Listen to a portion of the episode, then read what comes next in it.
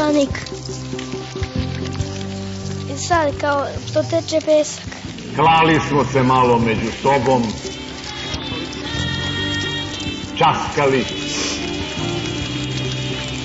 prebirali po sećanju. Srbi krvni za kulturom, za civilizacijom evropskom, za modom evropskom, o leševi srpski! Nacionalizam kod nas nije isto što nacionalizam u Francuskoj. Peščanik. Jer možete govoriti kao što Francuzi piju za ručak vino, mi smo alkoholičari, mi ne smemo ni kap vina da pijemo. Ajde dalje. Napustimo mračni i sramni Beograd. Iza nas nerazuman lelek nedostojnih, Peščanik. ispred nas ciljevi uzvišeni. Ovde ljudi još uvek masovno misle da socijalizam nije tako rđe. Može, treći put vodi pravo u Afriku. Ekonomski uvek, ako hoćemo tamo, onda smo na pravom putu. Iznad nas zver koja nas vodi putevima gospodnjim.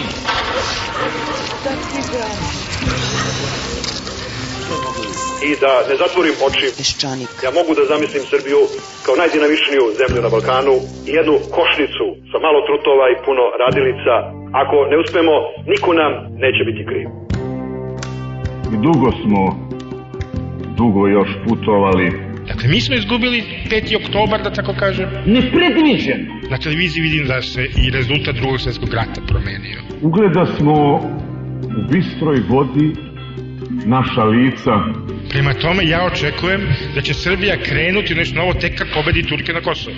Iznenada briznu smo u plaću. Peščanik.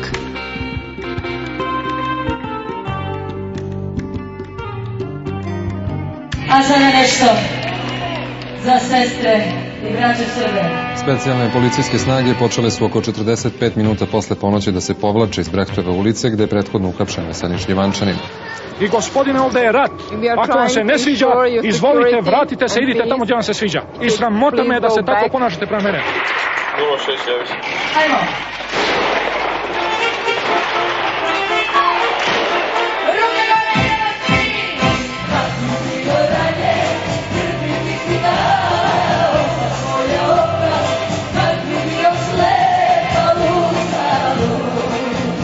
Nekoliko navrata su dakle demonstranti nastranuli golim rukama i na žandarmeriju i na policiju, oni dakle pendrek nisu izvukli. Naša policija je ili će da ubije nekog od batina, tako uhapsi ga pa ga premlati na smrt, ili neće uradi ništa.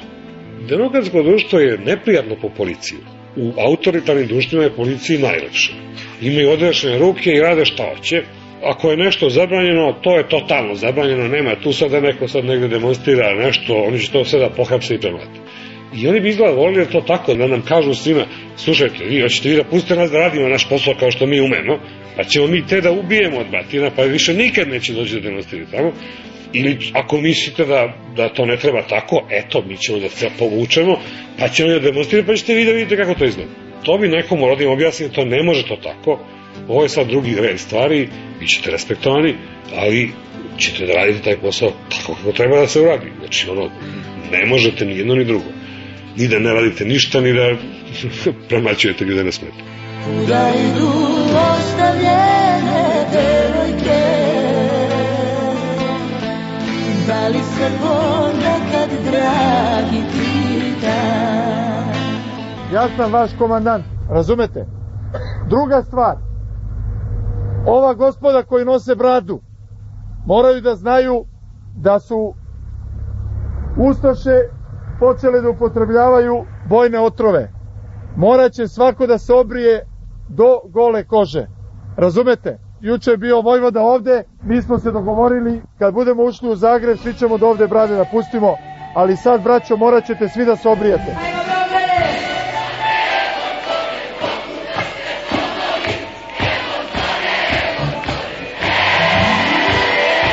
Ova akcija nema nikakvu političku pozadinu, ovo je samo znači da se ceca vrati svoj porodici, svoj deci i da se brani sa slobodom. Ali mogu samo nešto reći u vezi Štivančanina, gospodine.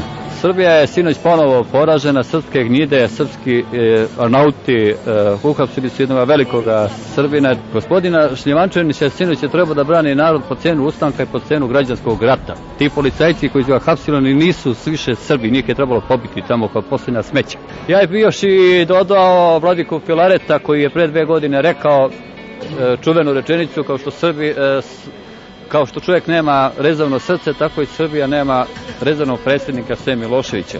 Koštunica je Srbima potrebno kukavičko jaje i niko ne mrzi jevreje, ali Koštunica je po ženskoj liniji jevrejinim imamo dokaz. Volim je kao pjevačicu, obožavam je, a mislim da treba da je vratim. Moje mišljenje da nije kriva i pustili su i druge ljude a, koji su, mislim, više krivi od nje. Mislim da je da se radi o nekoj osveti. A možda hoće da se osvete za nešto što je možda njen suprug uradio. O, Nemačka bleda majko, ali su te udesili tvoji sinovi, da među narodima sediš kao ruglo ili kao užas. Pa ne znam, možda se nekom zamjerio, ne znam, ne razumijem se toliko u politiku, ali šta da kažem, vola da ih puste, da vrate Veljke Anastasi. Ne znam, obožavam cecu.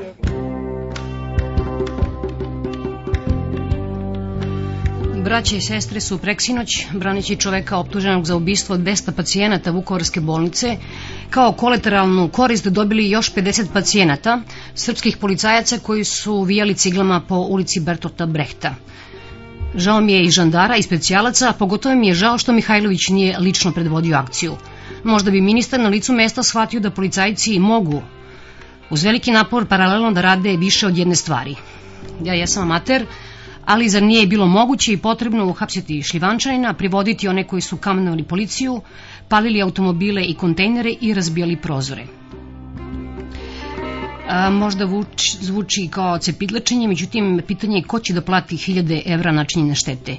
Neću da zvučim ni bezdušno, ali ko će da plati lečenje za 50 policajaca? Oni su naravno slušali naređenja da ne intervenišu, pitanje je samo zašto. Ministar policije verovatno ne želi da ruši novo uspostavljeni ugled policije, ne želi da kao nekada policija premlaćuje demonstrante kogod da su i kako god se ponašali, a možda policajci njihovi šefovi imaju grižu savesti što hapse haške optuženike. Šta je za taj bratoubilački gest jedna cigla u glavu? Premijer Živković se pravda da je hapšenje izvršeno po zakonu i da Šljivančanin nije uhapšen zbog američke pomoći, nego da je to naša obaveza prema Haškom sudu. U redu, eh, premijer je izgovorio pravilan tekst, ali ga je dementovao Goran Svilanović koji je izjavio da ćemo sada, eto, upravo zbog hapšenja dobiti američku pomoć. Loš tekst za predsjednika Nacionalnog komiteta za saradnju sa Haškim sudom, a pogotovo loš tekst za predsjednika Građanskog saveza Srbije. U ostalom, Svilanović se u poslednje vreme najkomotnije osjeća u koži ministra spoljnih poslova. Slušate slikara i pisca Miletu Prodanovića, ostajemo na terenu Brehtova 1. Ono što je mene najviše tu fasciniralo, to su neke možda usputne i marginalne pojave. To su ti razgovori sa komšijom iznad, komšijom ispod, koji se za divno čudo isto prezivaju. To me je podsjetilo delimično na onaj film Balkanski špion kada je, e, ide pet kloniranih đura. Onda sam prosto pomislio da je u tom novom delu grada organizovan, e, u stvari negde transportovan, jedan katun ceo i to me ovako zbunilo Ja ne znam baš da li su građani ove zemlje morali da plate tu translokaciju jednog katuna i jedne porodične zadruge u urbani deo grada.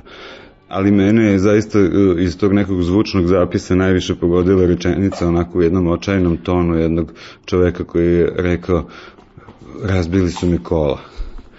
Sad pretpostavljam da nije policija razbila kola, nego te kamenice koje su letele na sve strane, a onda se čuje otprilike neki komentar, pa šta kao? Upošte mi auto. Neka, neka. Doveli Engleze tamo nabili majku i E sad, ja bih volio tog što je rekao, pa šta, da njega uhapsi policija i da tom čoveku koji je slučajno parkirao kola tu, taj čovek iz svog džepa nadoknade štetu na tim kolima.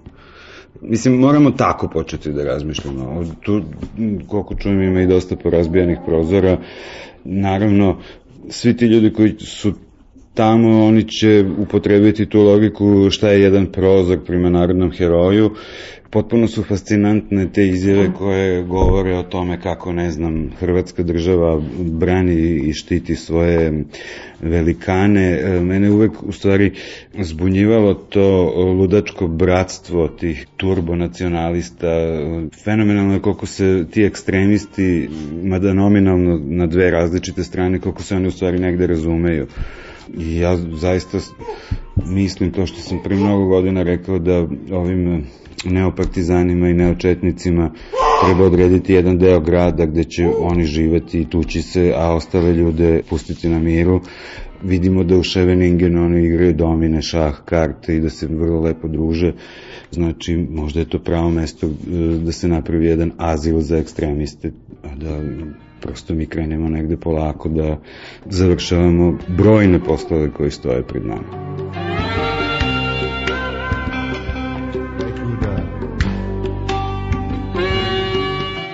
Samo ne znam da li možda treba da, ne, da li se neka firma već dosetila da štampa sličice i albume sa likovima naših heroja iz 90. godina. Ja ne znam da li to treba još da se dogodi. Ne znam, možda treba ja da odem na robiju, da ceca izađe, možda da ponudim to.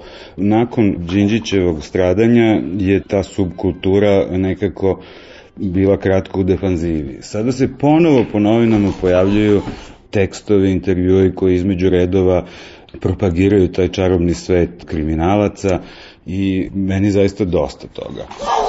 Ja jako volim da se stvari nazovu pravim imenom. Oko tog stola gde se potpisuje ta sloboda za cecu, sam video gomilu nekog polubednog sveta koji to potpisuje, a kada čovjek vidi zašto se ona tereti, Mislim, ta neverovatna lakoća sa kojom se izgovara ta cifra, stotine hiljada ovoga, onoga, dolara, evra, meni to potpuno nejasno, da neko nema eh, hleba da jede i da ide da potpisuje za, za cecu. Ne znam, možda bi javnost trebala generalno da se izvini toj populaciji sa one strane zakona. Možda je to jedino preostalo.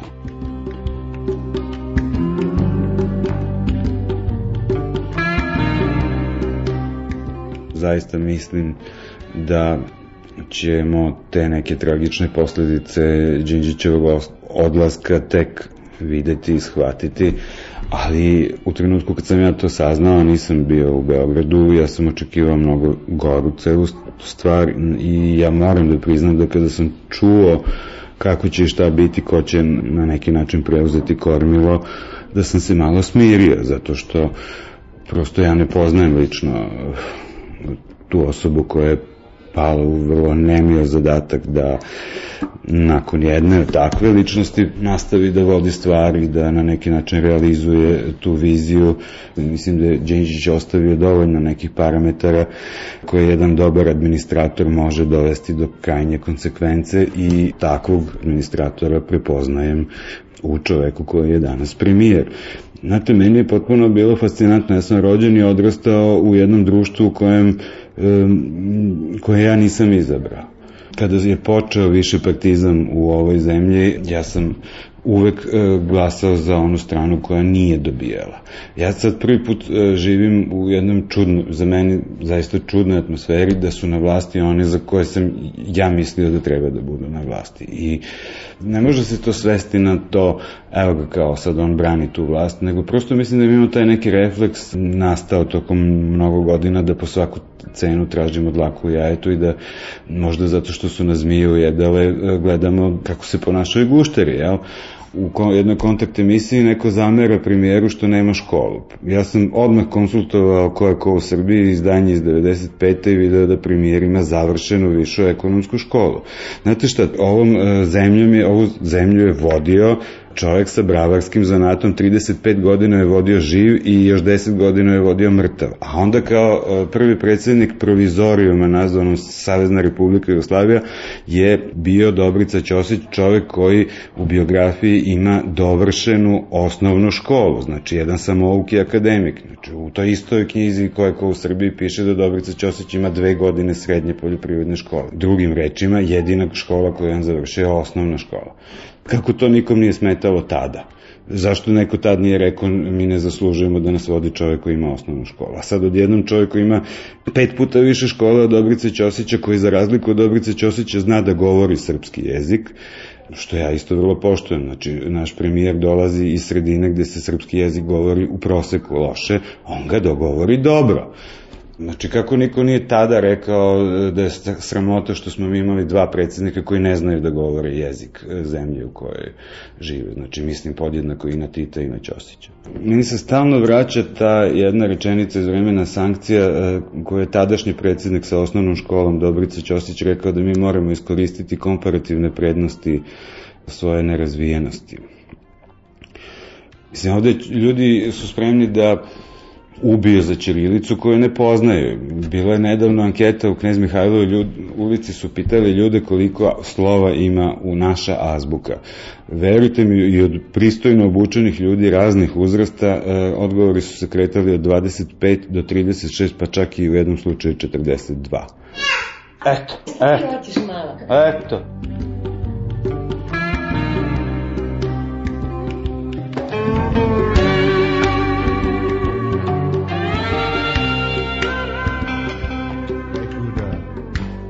Novi sistem obrazovanja omogućava jednu dinamiku, u njemu više nema onog koncentričnog, to kroz šta smo mi prošli, znači da se u nižim razredima uči jedno gradivo, pa onda isto to gradivo u višim razredima, pa onda u srednjoj školi treći put.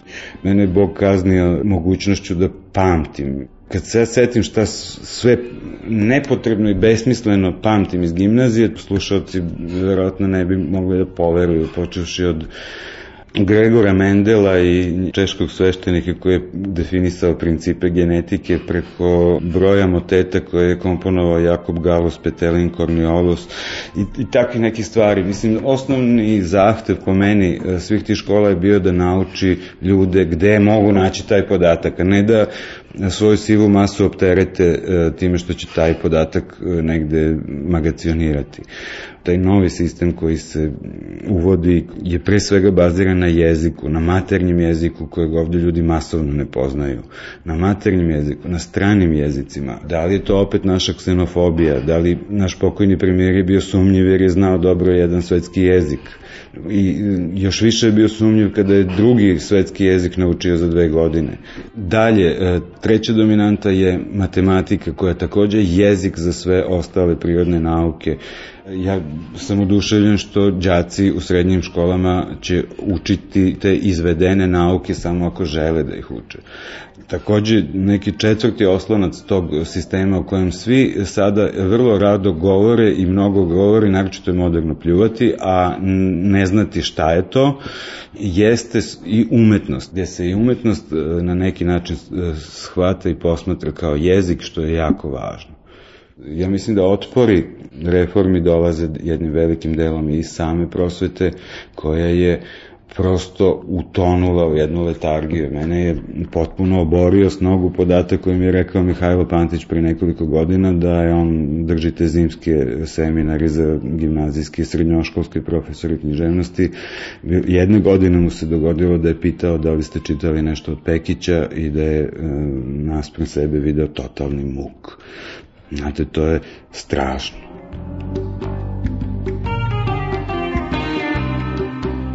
Mileta Prodanović je, dakle, pored toga što je slikar i pisac i predavač, on predaje na Akademiji primjenjenih umetnosti.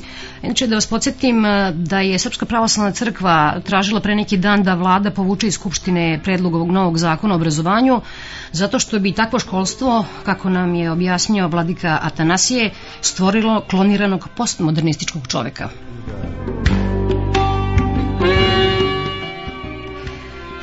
A, sada o sukobu koji traje već mesecima a, uskoro će doći do razrešenja verovatno, to je vlada i guverner Dinkić.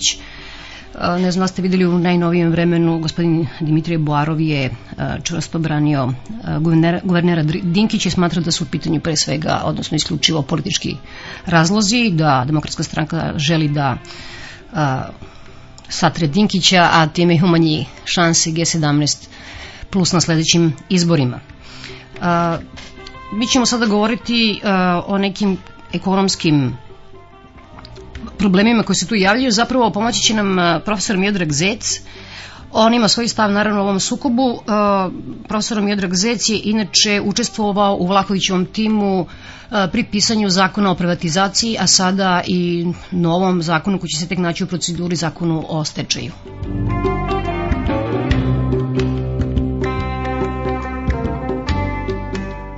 Ovdje se, pogotovo sa strane Narodne banke, koriste politički argumenti i nudi se neki politički proizvod za koji se smatra da je proizveden onako samostalno, jer postoji neka, neka radionica koja se zove Narodna banka i ona je sad proizvela savršen proizvod koji se zove konvertibilni dinar, a sve ostalo što drugi proizvode sve je skvarljivo, je tako? Svaki drugi proizvod vlade i zakoni, i industrijskog sektora, i čarapa, i automobila, sve je to loše, samo je kvalitetan novac. Prvo, to nije tačno, novac e, mora da bude u nekoj ravnoteži sa realnim sektorom s jedne strane, a s druge strane uvijek se, uvijek se mora postaviti pitanje koliko šta košta. Ovdje se monetarna vlast predstavlja kao potpuno nezavisna stvar od društva. Monetarnu vlast ne interesuju nikakvi socijalni troškovi reforme i praktično, znači, politički proizvod koji se zove čvrst dinar, on ima svoj trošak, a taj trošak je vidljiv u budžetu Srbije. On je vidljiv i njega plaća vlada.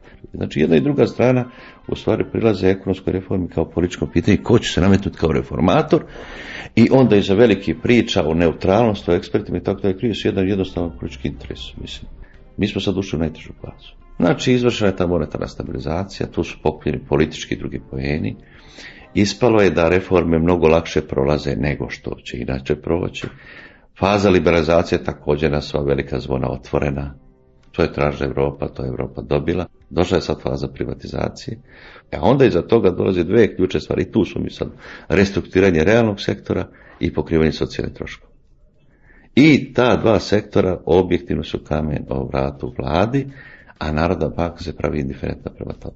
I proglašava da se nekom posebnom umešnošću i nekom posebnom politikom neke stvari desiti. Ne, brate, to je jednostavna stvar. Ne može se preko noći aktom napraviti dobar automobil u ovoj zemlji, ali može se zaustaviti štampari.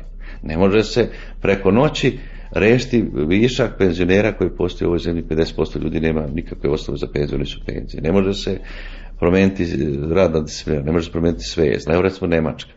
Ona je znači ušla u monetarni sistem, ušla je u pravni sistem, ušla je u financijski sistem, ušla je u obrazovni sistem zapadne Nemačke. Znači, prosto idealna situacija. Jesu rešeni problemi na istoku? Nisu. Dva se problema pojavljuju. Privatizacija se završila sa velikim stepenom likvidiranja preduzeća koja se nikako nisu mogla restrukturirati. Pojavio se višak radne snage koji nikako se ne može prilagoditi nikakvim novim uslovima. I šta se procenjuje? Procenjuje se da će istočna Nemačka posle tih ogromnih investicija, posle, posle tog oglednog primjera, tek možda kad budu došli na radna mesta oni koji su rođeni u Nemačkoj, da, da stigne nivo razvoja.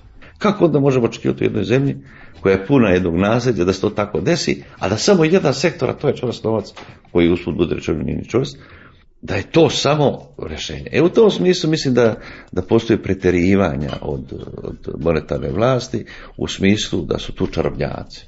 Novac je izvedena kategorija. Ako nema realnog, realne privrede iza toga i neto priliva kapitala, nema svetski priznatog novca.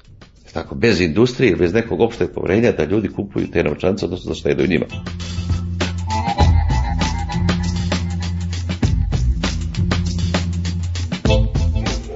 Simbol naše propada je simbol naše futbala, tako. Sad gubimo za Azerbejdžana, mislim. Pa kako možemo kad mi u prvoj ligi imamo pola klubova iz Beogradskih predgrađa? Kako? E tako ista stvar sa preduzećem. Tako kao što preduzeće iz Resnika ne može ovaj da na sajmu u Frankfurtu bude zapoženo, tako ne može klub iz Resnika. Mislim, u principu je to to. I zato vlada, ja lično mislim, ne branići nešto posebno, ima pred sobom strahovito težak zadatak i tu pre svega mislim na ministarstvo privatizacije privrede, na ministarstvo financija, jer ono mora bez mogućnosti da aktom nešto reši, da stvori uslove da se, da se stvari počne odvijati. I sva, sva odijum javnosti se u stvari će sad pujdet na vladu. Recimo, kad se donese zakon o stečaju. To se mora doneti. I sad, kad odjednom se otvori u ovoj zemlji na 130 stečajeva, treba izdržati taj politički pritisak. Ja nisam to da se, da se deficit koji postoji u realnom sektoru, koji postoji u budžetu, koji postoji u penzijnom sistemu, ja nisam da se to pokriva monetizacija. Ja nisam lično za to. Ali, jesam, ali nisam zato da onaj ko to sada sedi izvan toga, da daje packe ovima kako to ne mogu da reši. mogu da reše privatizaciju. Na to su isto svi otvore četvr oči. Mogu da reše prodaju nacionalne imovine. Pa kao svako domaćinstvo koje je bankrotirano ne može više da zajmi, ono mora i svoje imovine da se napravi ravnoteža na mnogo nižem nivou. E sad stanovništvo neće to. I neko mora da kaže da nema. E ovdje je Diki sebe stavio jednu dobru poziciju da daje savjete s polja, a ovi moraju da kažu nema. A to sve dešava pred izbor. I ostalo je za samo neko da saopštava dobre vesti, a neko saopštava ružne vesti. Kažu, devizne rezerve rastu, a neko treba da kaže platni deficit raste. E sad ovi iz vlade da kažu to, to je neprijatno, to je politička vest da kaže, a ovo je uzeo sebi za pravo samo da saopštava pozitivne vesti. To su vezane stvari. Ne kažem ja da, bi, da se samo kursom može stimulisati izvoz. Ne, to ne. Izvoz se ne može stimulisati jer nema, ovaj, nema robe. A se može učiniti uvoz skuplji. Ako se ovakva politika kursa nastavi, vi izvoz ne možemo pojesti tako brzo, ali možemo uvoz strahovito. Sad spave carne, ovo ono i preplavće roba i gotovo. Nema proizvoda. To bi bilo idealno da, da mi sedimo i samo... Kad bi, e, to bi sve bilo idealno kad mogu da štampamo eura, ali samo nam fali ta, ta, to pravo. Ma nije to samo stvar Dinkića. Mi smo u kontekstu kad ne možemo drugačije. Bilo ko da dođe, on će morati da sliču politiku. To može bolje, može možda malo i brže, a to da ne voli, to, to su bajke. To su bajke i čudotvorci ne dolaze tek tako. Oni dolaze svake 2000 godina, ali evo sad je prošlo 2000 godina, ali nije se pojavio Mesija i verovatno još verovatno čeka i da brze pruge napraviju pa da dođe. Ja.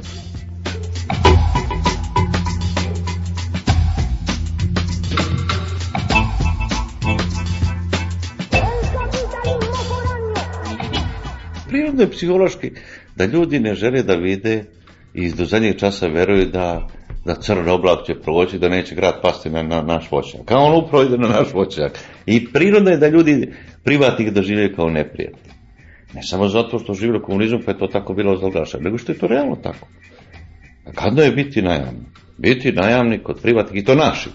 To nije ni malo lako. To stvarno nekim je Bogu pomoć. Sa svojim bivšim direktorom kao gazdama. Oni njih znaju i prosto imaju otpor. Je zašto? Pa živjeli smo nekoliko jednakih šansi, sad jednom neko ostao bez posla, neko postao kapitalista. A oni su iz komšiloka, oni imaju prirodne animozitete. I to sve tako mora pro, proći to. Jeli, šta kod nas običan čovjek kaže? Ma znam ja njega kad je došao ovdje sa najlovom kesom sad je kupio pet fabrika. I on ne može da zaoprosti, ne njemu, možda sebi, što se to tako desilo. Kad prođe neko vreme, pa uspostave se neke korporacije, pa ti više ne znaš ko je odakle došao i ko je ko. Mi sad imamo prvu fazu. Ono gadno je, brate. Mnogo, mnogo više radiš, a mnogo manje primaš, vidiš, društvo se raslojava. Da li to treba tako? Da li koliko može korigovati to porezka politika? Može, verovatno. Ali koliko brzo? Ona pokušava. A da li uspeva? Ne uspeva. To je psihološko sazrevanje nacije, gadno. Sami ste vi. Da ostanete na poslu da mora da raditi još 15 godina računa na pet. Da li može Evropa da održi sedam sedmica neradni dva uskrsa i dva borća? Ja mislim da ne može. Pred Japanom koji ima 4-5 dana odmora godišnje, pred Amerikom koji ima nedelju dana. Ko to ne bi branio? Pa svako bi branio. Da li može odbraniti? Mislim da ne može. E to i kod nas se dešava, sad ljudi krčevito brane neke stečene pozicije i šta šta svi konstatuju. Pa konstatuju ono što se mora desiti, da troškovi rastu, jel tako, a da prihodi padaju. I to jeste tranzicija. Da li su ljudi to očekivali? Ne, ljudi su očekivali obrnuto, da plate rastu, da troškovi padaju. Da li im treba zameriti što su to tako? Pa ne treba, oni su želeli da, da im se ne desi. E baš se da njima desilo to što se desilo. I to, to sleganje će dugo trajati.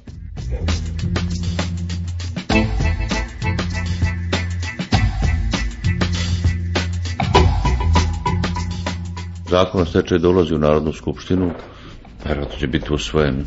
Primjena zakona da uvede jednu najobičniju stvar, da preduzeće koje svoje rashode ne može pokrivati sobstvenim prihodima, da će morati doći do otvaranja stečajne procedure. Kao jednog prirodnog stanja.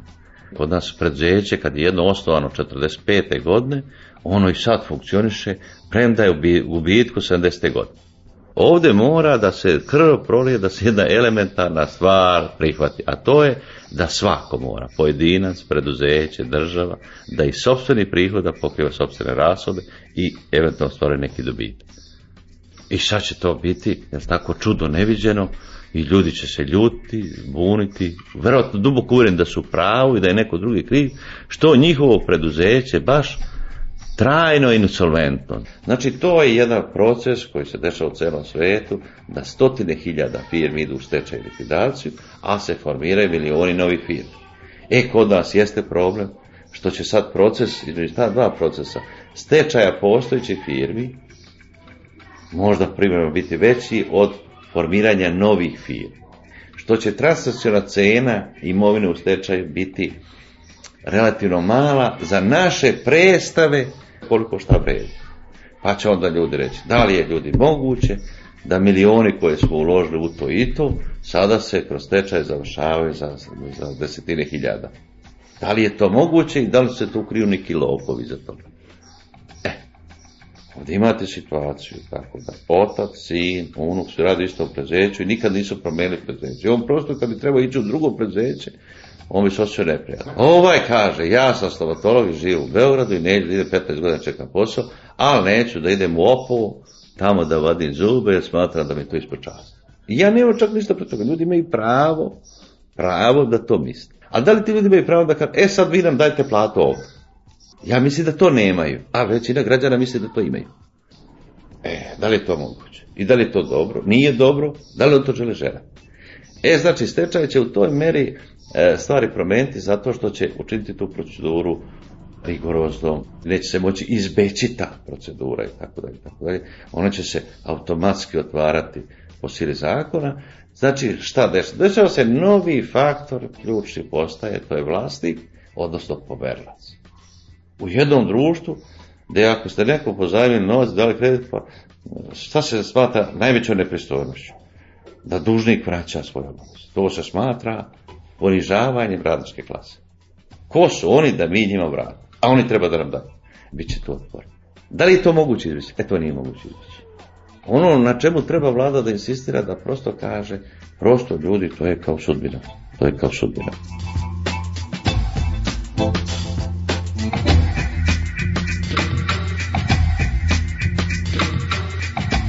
Nas čeka u stvari plaćanje računa koje mi sad još polako, polako odlažemo. Znači nas čeka, zašto svi govore sa 2004. 2005. godine, da ne zemlja kreditno zadržana nije. Objektivna situacija znači nas čeka prvo jedna stvar, da ćemo morati da vraćamo te dugo. Ali desi se kontrasmer, znači umjesto novca koji se upupava na ovaj ili onaj način indirektno, nekreditno, kreditno u sistem, mi moramo sposobiti prirodnu mašinu da ispumpava neki višak. To samo po sebi je bol. Ne zavisno od te veličine. Pošto sad neki nagađaju da je ta veličina drastična, onda je još, još bolnije to.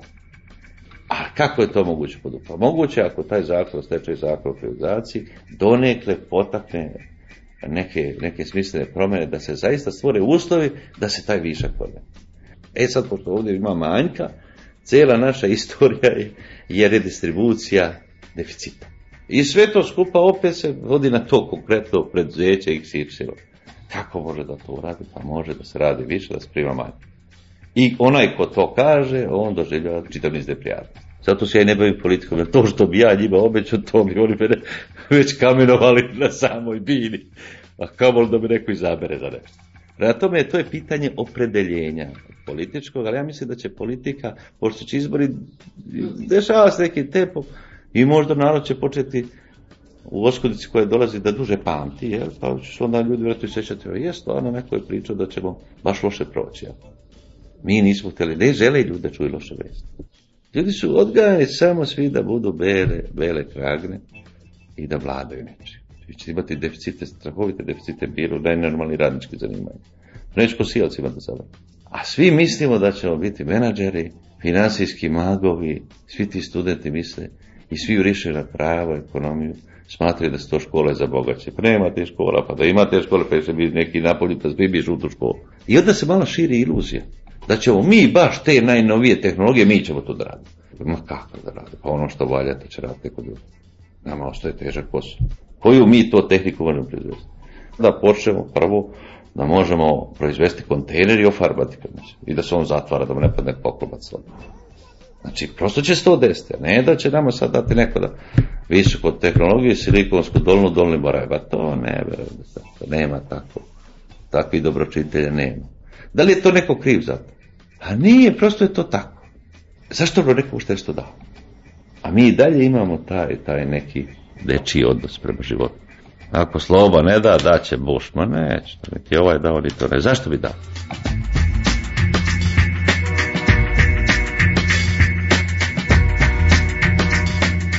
Predsjednik moje i vaše države je izabrao savjetnike. Bogoljuba Karića i Nicovića i tako dalje. Šta da očekujemo? Šta, šta ne mogu da savjetuju? Pa svako ima savjetnike kakve zaslužuju. Ja tu ne vidim ništa loše. Čovjek ima pravo. Ako on ima po članu Ustave povijest to mitu da ima svoje savjetnike, to je njegova stvar, neki zabere koga hoće. 5, 50, 550.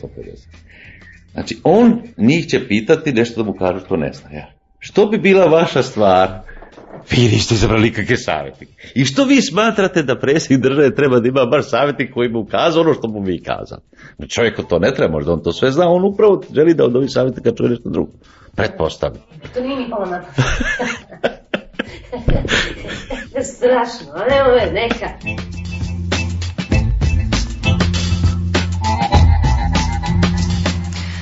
Bio je ovo Miodrag Zec, a Slovenci su ove tranzicijone muke odavno prošli, lepo su uredili deželu, ali bit će im lepa do sutra. Sutra stižu kranj na finale Evropskog prvenstva u Waterpolu srpski i hrvatski navijači. Ne, ne zna se koga Slovenci više simpatišu, a pogotovo navijačka, četnička i ustaška znamenja koji će naravno ovi poneti sa sobom. Nisu nas ovog, ni ovog puta zvali, a sad je mir i demokratija i sad možemo da idemo i nepozvani. Hrvatski premijer Račan je svečano pozvao izbegle Srbe da se vrate, ponudio im je svašta, ko na vašaru, ali naša sagovornica Tatjana Tagirov, dopisnica Hine iz Beograda, veruje da su uslovi takvi da u stvari od masovnih povratka nema ništa i da u ostalom u Hrvatskoj postoji neka vrsta konsenzusa da Srbi mogu u Hrvatsku da se vrate, ko što bi rekao Tuđman, nekada samo po svoje prljave gaće. Sa Tanjom smo razgovarali i o trećoj poseti pape nezavisnoj Hrvatskoj, o toj dubokoj uzajemnoj simpatiji između pape i Hrvata, a pre svega o knjižnici Dubravki Ugrešić koja je nedavno odbila jednu nagradu i novac koji ide uz nju, a taj novac nije ni da se Karićevi laureati postide.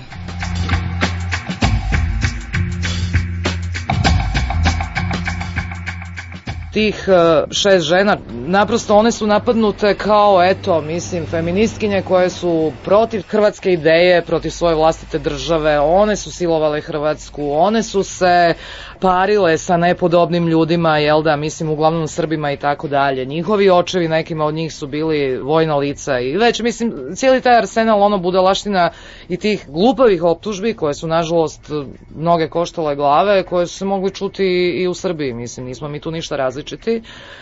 I veliki dio njih, sa izuzetkom uh, Jelene Lovrić, je naprosto napustio Hrvatsku. E sad, taj tekst čuveni, uh, pogromaški, je napisao Slaven Letica, profesor svega i svačega i tip koji mislim se jako dobro ono snalazi u, u, u Hrvatskoj, koji se nudio za savjetnika 90. i 91. godine Slobodanu Miloševiću, pa ga on nije htio pa je postao savjetnik uh, Tuđmanu. On je bio autor tog teksta Vještice iz Rija i on je dakle bio dakle 11 godina nakon tog teksta u žiriju koji je odlučio Dubravki Ugrašić dodijeliti nagradu. I Dubravka je tu nagradu odbila i ja stvarno kao ono državljanka Hrvatske joj se zahvaljujem onako i privatno i ovako javno zato što je to napravila. Naprosto žena nije dozvolila da se zaboravi šta je radio Slaven Letica, šta su ne znam, Vlatko Pavletić, bivši šef sabora koji je sad dobio nagradu za promicanje demokracije, molim lijepo, mislim iz mog džepa su mi izbili 100.000 kuna, što je nekakvih ono 15 ili, ili 13.000 evra. I užasno mi je milo što je Dubravka Ugrešić, što je ona rekla ne, neću, za razliku od jednog Pavletića, koji je grobar demokracije, kao i kompletan taj bivši sabor i sadašnji sabor, eto ona je rekla ne, ja imam dovoljno moralnog integriteta da vam kažem, zabite si te vaše pare gdje god znate, ja ih neću.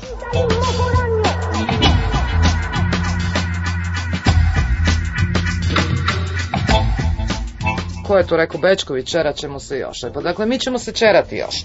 Dakle, u vrijeme kad, kad recimo ja nisam mogla dobiti vizu za Srbiju, Ladu je dobio tip koji na vizit karti mu piše da je nezavisni Ustaša i koji je vlasnik kluba koji se zove Hrvatski dragovoljac. I neke, 90 i neke je dolazi ovamo na utakmicu, čak mu ni pištolj nisu uzeli na granici. Sve je moglo. I tip je izjavio u jednom trenutku kako on najviše voli beogradsku publiku, jer kako je počela tekma, tako kaže ono pola stadiona je ustalo i vikalo ustaše, ustaše, a kaže a meni srce puno onoliko, jel?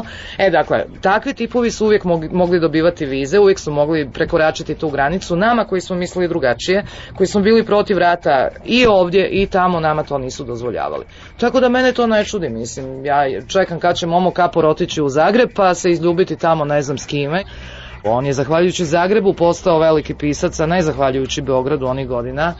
Beleške jedne Ane sam čitala kao klinac i mislim da je to bilo dobro, ali danas više ne pada mi na pamet da čitam njegove bljuvotine o Sarajevu koje je patilo tolike godine od, od četničkih granata i ne želim čitati njegova putešestvija po Karinskom moru koje je navodno bilo srpsko. E sad, mislim, Srbija više nema more, pa neka se Momo Kapor kupa gdje god hoće, ali sam sigurna da sutra zatraži vizu, da bi on dobio, za razliku od mnogih drugih ljudi koji eto čekaju u redovima, koji ne mogu dobiti iz nekog razloga i koji su nepočudni naprosto zato što su ovo vrijeme pokušavali ostati normalni.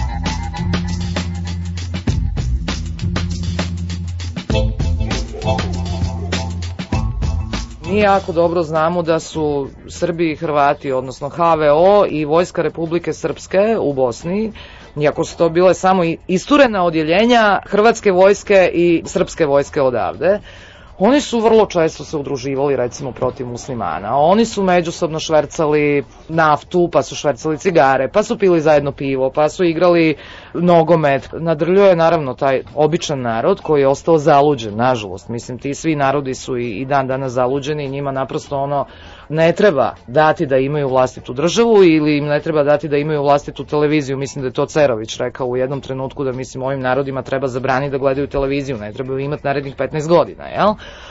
Ali kompletan taj ono šljam koji je uvezen od, ne znam, gotovine do ovdje Milorada Lukovića, Ulemeka, Legije ili kako se već zove, pa do onog šljama kojeg je očito JNA odgojila, Ratka Mladića, Šljivančanina i oni imaju očito nešto zajedničko, oni se razumiju. Imamo tih nekoliko koji su otišli ono ili u Hag ili čekaju da ih se Hag dočepa, ali svi ostali žive jako dobro.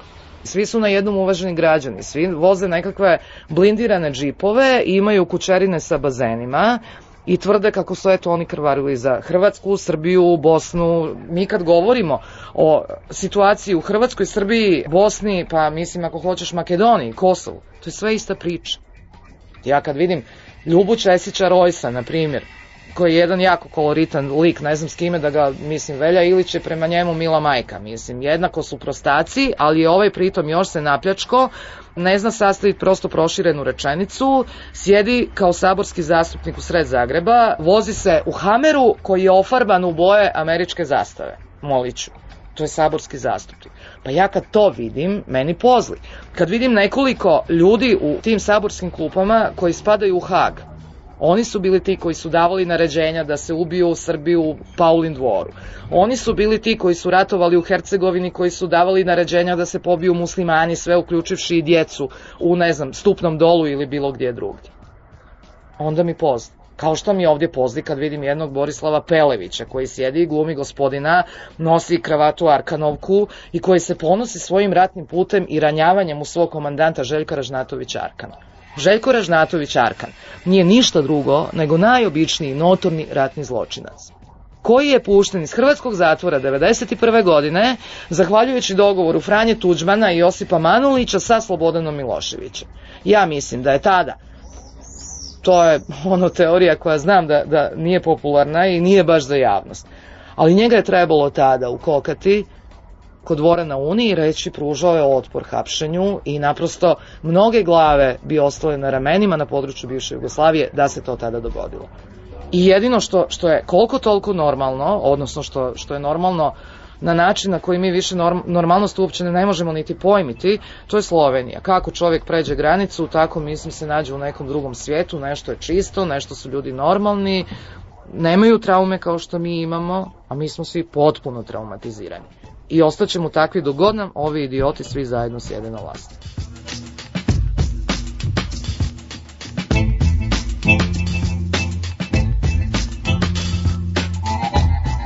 Stvar je u tome da o, ovu treću posjetu pape, koliko god je prvu iskoristio Franjo Tuđman i, i, i njegov HDZ, ovu je iskoristio Ivica Račan i društvo oko njega, jer mislim u Hrvatskoj isto tako se bliže izbori i to je početak predizborne kampanje. Međutim, Hrvatska je zemlja u kojoj je odnos crkve i države najbliži od svih mogućih katoličkih zemalja. To ne postoji niti u Italiji, niti u Poljskoj koja je tradicionalno katolička zemlja.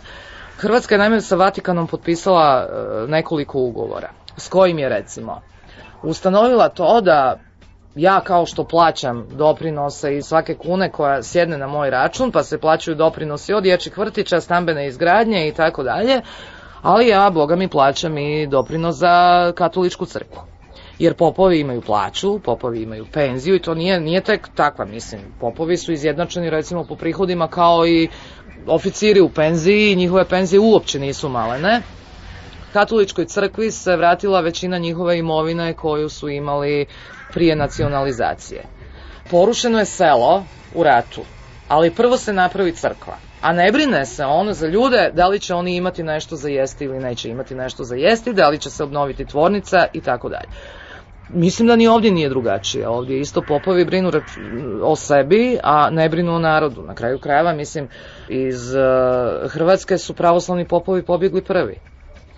Drugi Jovan, Jovan bez zemlje, kako ga zovu u Hrvatskoj, je među prvima dobio domovnicu, putovnicu i sve ostalo, iako je prvi pobjegao i sjedio ovdje u Beogradu. Pritom čovjek koji je recimo držao Zagrebačku parohiju, on nije napredao ama ovoliko. Pritom je cijelo vrijeme rata sjedio u, u Zagrebu, jel? Penzionirani pop Jovan Nikolić, nažalost je umro, on je iz penzije bio izvučen i trčao je svaki dan ono na tri mjesta u Hrvatskoj da bi se hranio ljude. On je jedan od, eto, rijetkih poštenih ljudi u tom hrvatskom pravoslavnom svijetu bio. Pritom to blagosiljanje zločina, zločinaca. To pojanje, mislim, u, u razno raznim brigadama vojske, to je naravno nešto od čega se meni okreće želudac. Kao što mi se okreće želudac na činjenicu da sad kad je bio papa u, u, u Hrvatskoj, u trenutku kad je pozvao, odnosno prozvao, jel da, predstavnike Srpske pravoslavne crkve koji su bili u Osijeku, prekidan je pljeskom. Samo da bi ga se prekinulo.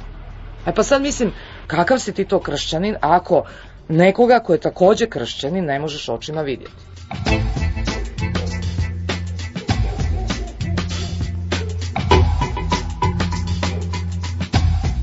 Ono što je mene porazilo kad se otkrio ovaj zločin pobijenih Srba u Paulin dvoru. To se otkrilo u trenutku kad su recimo otkrivene ovdje masovne grobnice u Batajnici, dakle grobnice napunjene Albancima pobijenima na Kosovu, koji su doveženi u Beograd i sahranjeni u dvorištu policije praktično.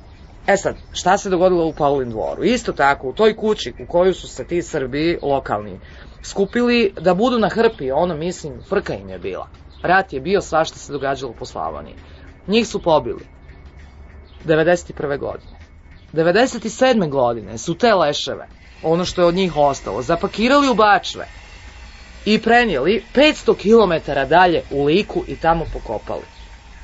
Prema tome, princip je isti, pitanje je samo brojki.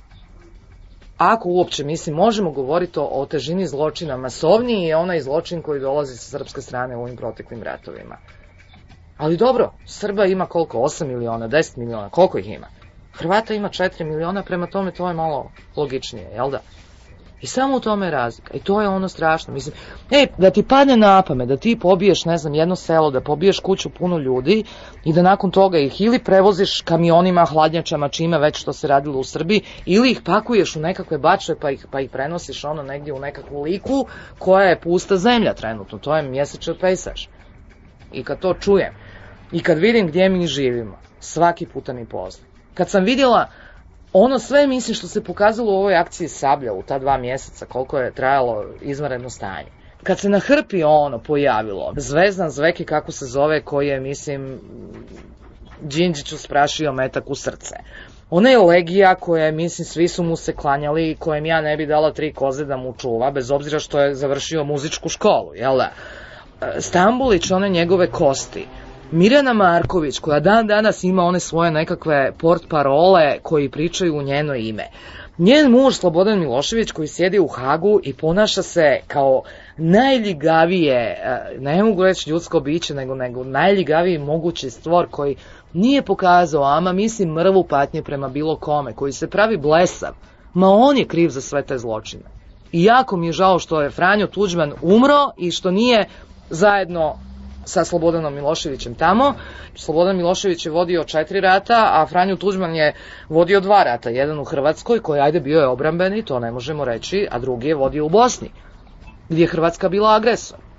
Ja hoću jasno i glasno da to današnji političari hrvatski kažu. Jeste, mi smo bili agresori u Bosni. To je rekao jedino Stipe Mesić. Račan kad je bio u Sarajevu nije htio reći. Kako ti e, tumačiš ovo sa gotovinom? Pa vjerojatno mu je netko savjetovao da bi mu ipak bilo pametnije da se preda.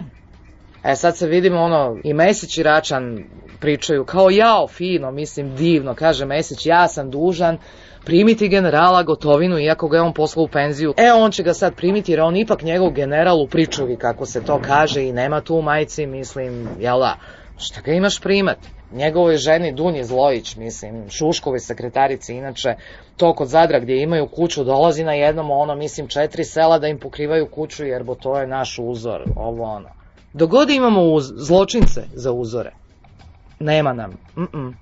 Dogode ono, svatko od nas kada vidi plakat naljepljen o tome Ratko Mladić heroj ili Radovan Karadžić heroj, ne podere bar jedan taj plakat svojom rukom. Pa okej, okay, neka, neka me netko prebije, ajde da ga vidim.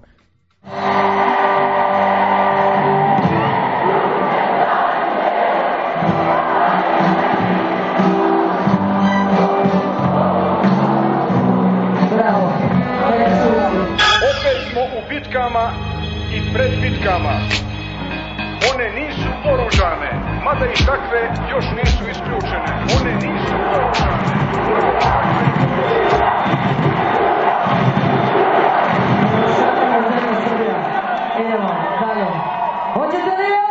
Šest vekova kasnije, danas, opet smo u bitkama i pred bitkama. To je ono što vi citirate. One nisu oružane, mada i takve još nisu isključene. Sve jedna opšta rečenica. Mi pevamo samo ljubavne pesme, tako? Šta dokazujete citiranjem jedne rečenice iz mog govora na Gazimestanu, koji je bio, mogu da vam kažem, jedan veoma dobar govor, rekao bi odličan govor.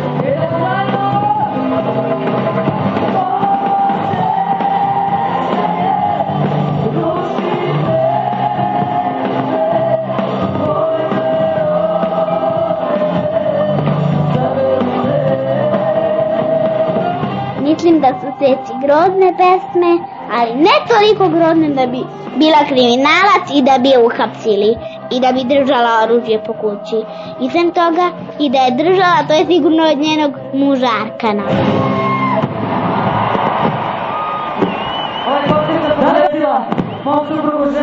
Pa pička mu materina, ovo je rat. Ovde se gađa minama, ovde se gine i umire. Ali vi ginete i umirete za Srbiju i za otačbinu. Hvala što ste za našu lepu zemlju Srbiju. Hvala. Ja zahtevam da me pustite na slobodu. Zahtevam da me pustite na slobodu jer je valjda i vama i celom svetu jasno da iz ove bitke koja se vodi protiv moje zemlje i mog naroda ja neću da pobegnem. Molim vas vaša sreća. Ćao!